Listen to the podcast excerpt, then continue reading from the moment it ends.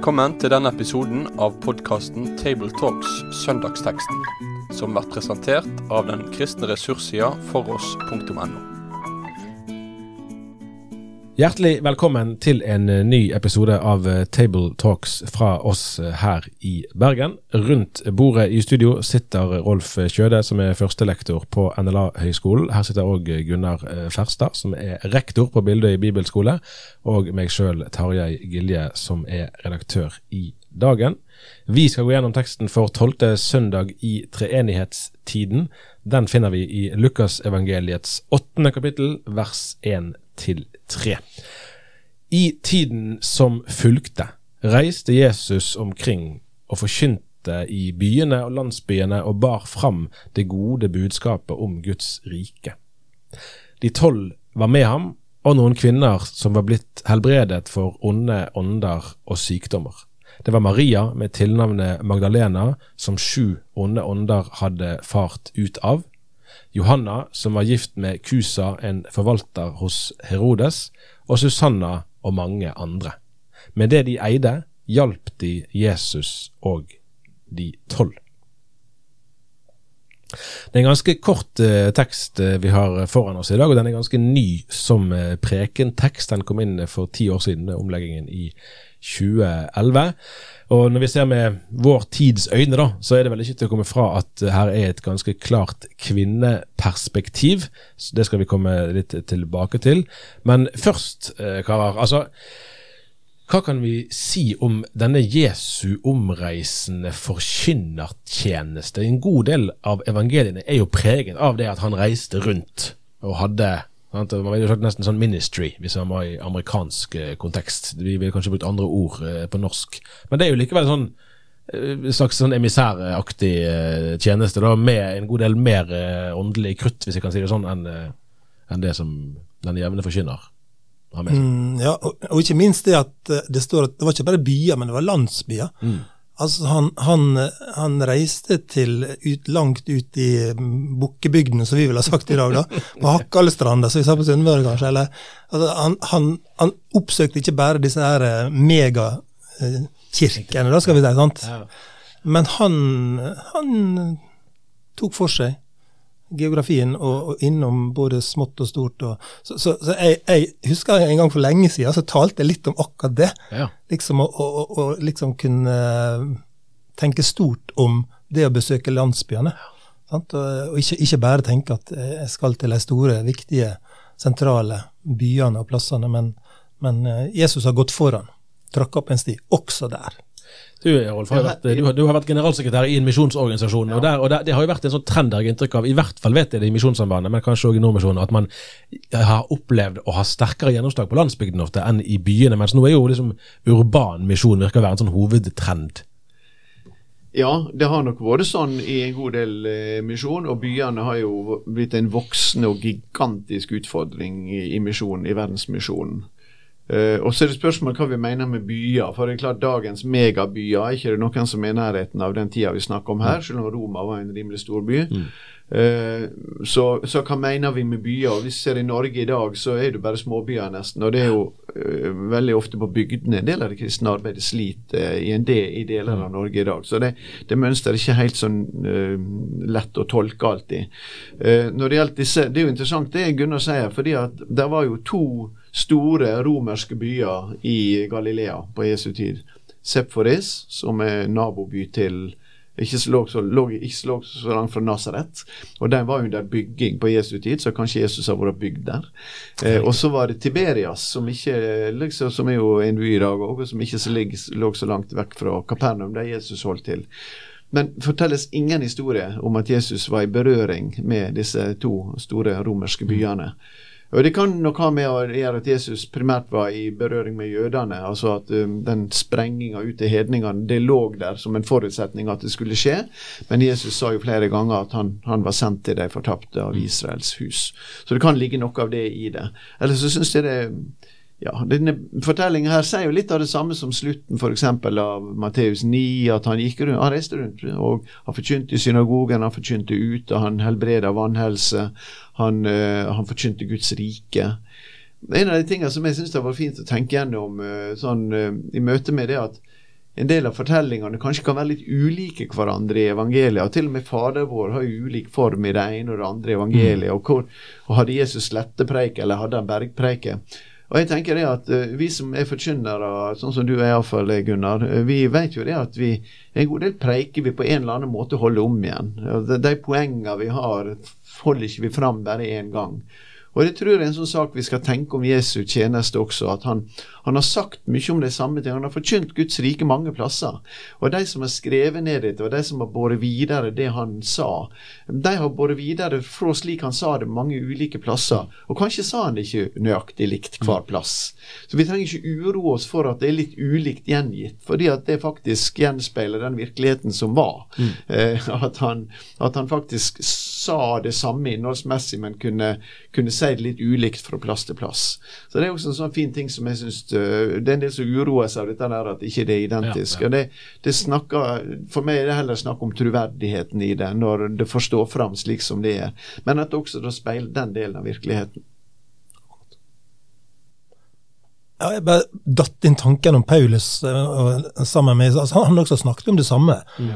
Altså, Hvor mange ganger snakket Paulus om at Jesus er Messias? Var det, var det sagt det én gang så var han ferdig? Nei.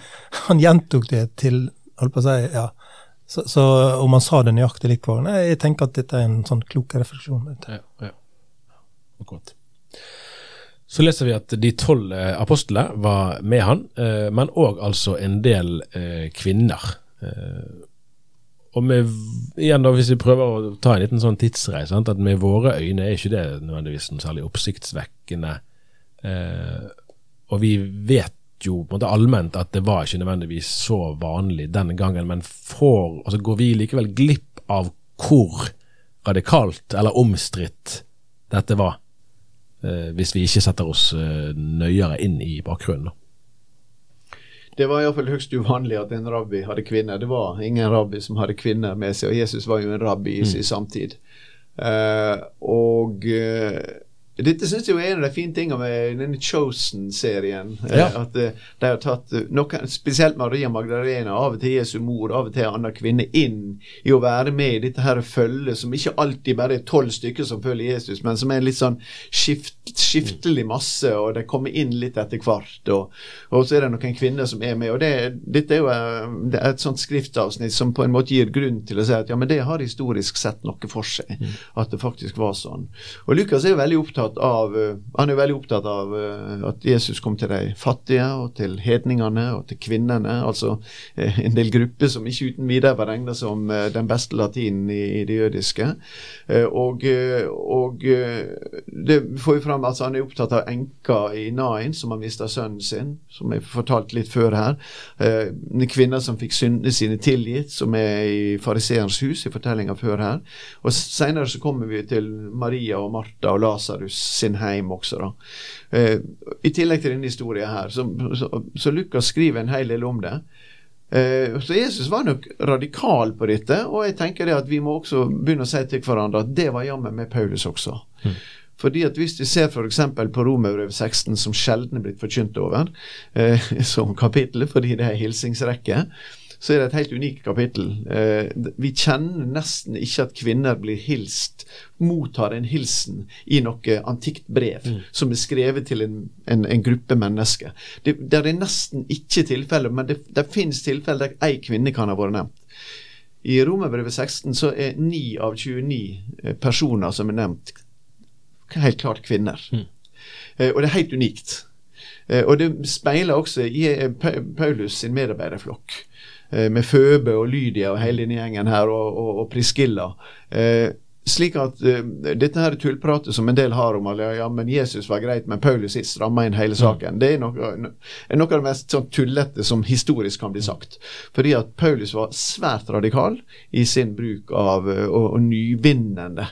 Um, akkurat som hans mester Jesus, i å dra kvinnene inn i å kunne bli disippelgjort, rett og slett, og, og bli tildelt også viktige lederroller, uten at vi nødvendigvis trenger å komme inn på selve den pastorale lederrollen her, så, så, ble kvinner tatt inn i ting som var, hadde vært uhørt ellers i samfunnet. Og så syns jeg det er spennende å, å, å ikke bare nå, nå, var du litt innom litt forskjellige ting, Rolf, men, men, vi finner jo igjen disse kvinnene her da, eh, ved korset, faktisk. Det er jo kommentert. Ja.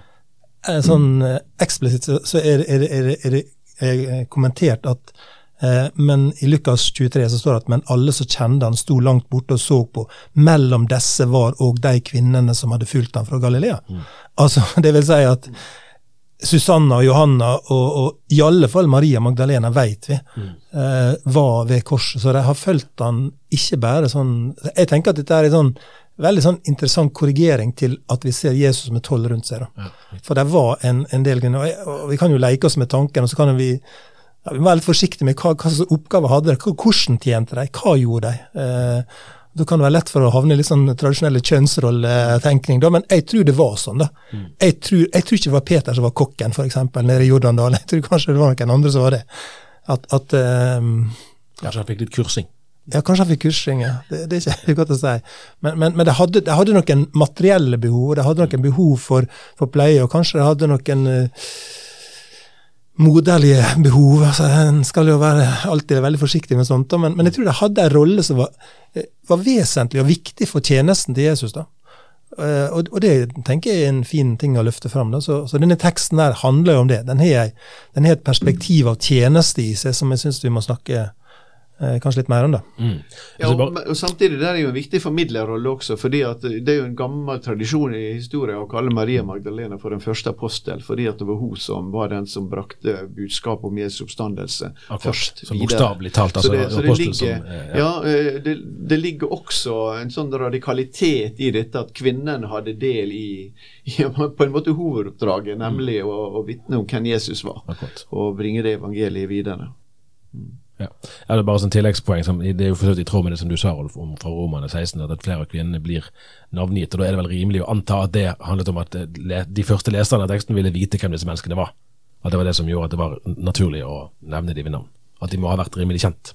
Ja da, det vil iallfall være en god del som visste det. Og disse her, Maria Magdalena er jo greit, den visste det. Det er jo blitt kjent gjennom historien. Men mm. også man kanskje tro at Johanna og Susanna, når det ikke er sagt mer uh, om det her, at det var kjent. ja.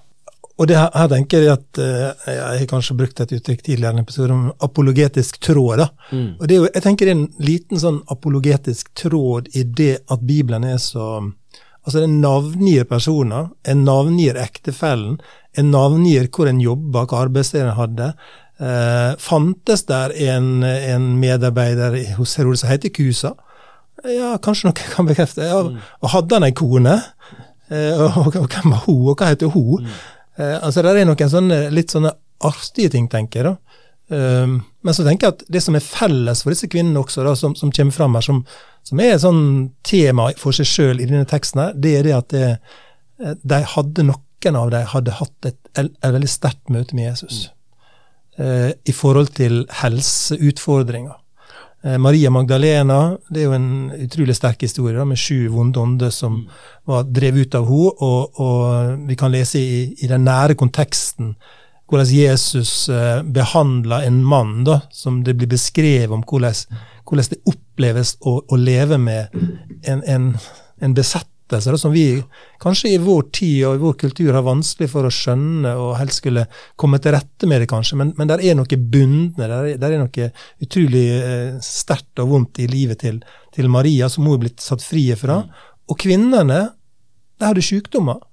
Og hva slags sykdommer hadde vi? leser jo enkelte andre plasser i evangeliet om, om type blødning og, og, og andre typer sykdommer som de var blitt helbreda fra. Mm. Så alle disse her, her nå Iallfall det som er nevnt der, når det står at det var fl mange flere, står det. Det var ikke, var ikke bare disse som var navngitt, det var mange flere. Og hvor mange, er bare, hvor mange er mange? Det er liksom et spørsmål. da. Var det 10, var det 12, var det 15? Men de hadde opplevd et møte med Jesus som hadde forvandla livet deres. Og, og, det har ført til en etterfølgelse, og det har ført til en tjenestevillighet. Så hele deres tjeneste, de fulgte han ja, på lange vandringer, lange reiser. Altså, I min oversettelse står det 'med alt de eide'. Ja. I din står det 'med det de eide', ja. men med alt de eide. Og, og, kanskje hun som da hadde, hadde mulighet til å nå tak i pengepungen til Kusa, da, han hadde jo mest sannsynlig blir det jo sagt at han hadde en slags økonomiansvar da, hos Herodes, og at han, han hadde Han var kanskje godt stilt, da. Kunne blitt litt. Ja, han kunne vippse litt. eh, det, og, de, og de brukte alt de eide. Det er en utrolig sterk beretning om, om en tjenestevillighet som er et gjensvar på det Jesus har gjort for meg. Det er noe vakkert der, tenker jeg, i sant, vi, får, eh, sant, Maria åpenbart har, hatt, han har båret tunge byrder, forstår vi. Sant? Johanna, der kan vi kanskje ane litt sånn politisk eh, drama. sant? Eh, hvordan var forholdet hennes til omgivelsene osv. Ja, men hun har vært syk og blitt helbreda, så langt som vi skjønner teksten. Riktig. Ja, og hatt en ja. Men det, men det er mennesker med ulik bakgrunn da, Ja. som, som, som, kan kommer med, og, og med, om vi sier, vi kan godt si alt eh, de eide, så hjalp de, altså med sine forutsetninger, det var det som var poenget da, at, som var ulike, og som ikke alltid var kanskje optimale, så kunne de få være med og hjelpe Jesus. Og de tål. det er jo sånn alminnelig tjenesteperspektiv da, som vi vel alle kan, kan lære av, og for så vidt ikke minst, eh, ja det gjelder jo både høy- og lavkirkelig det, altså, men, men eh, her, eh, altså vi skal snakke om et myndig lekfolk, hvis det finnes, så er det jo på en måte litt her vi, eh, vi ser eh, noe sånt. da. Sier du det? Ja, eh, jeg kan jeg bare gripe tilbake til én ting her, som jeg også syns kan være en nyttig ting å ha med. Nettopp dette at disse kvinnene følger han, og som Gunnar sier, noen av dem var helbreda for sykdommer, noen av dem var helbreda for tabu. Altså, og det var jo Det er jo en grunn til at på en måte Kvinner var jo månedlig urein. Eh, og sånn sett så, så kunne ikke de drive og følge menn, på en måte, eh, bare av den grunn.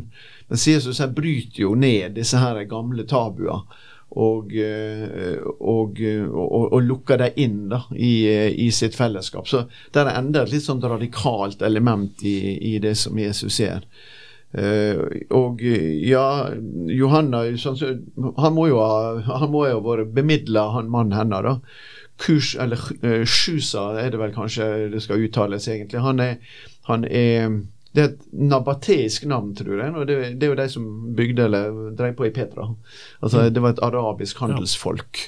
Uh, og, så det kan hende det er hans, hans handelsbakgrunn uh, som gjør at han ble ansatt som forvalter uh, hos Herodes. Um, og, eh, og der er det interessant også at eh, vi har jo fortellinger i begynnelsen av apostelgjerningen om, om hvordan det ble et sånn eiendomsfellesskap i, i, Ja. uh, i Jerusalem. Og vi har også fortellinger om den rike unge mannen som Jesus møtte, og som han ba gå, gå og selg alt du eier. Men det sier han jo ikke her. Uh, han lar Altså Her lar Jesus noen være rike, men det vi hører om de som har rikdom, det er at de tjente Jesus med det de eide. Uh, og det er jo utfordringa vår, eh, tenker jeg, for vi lever jo med en enorm rikdom.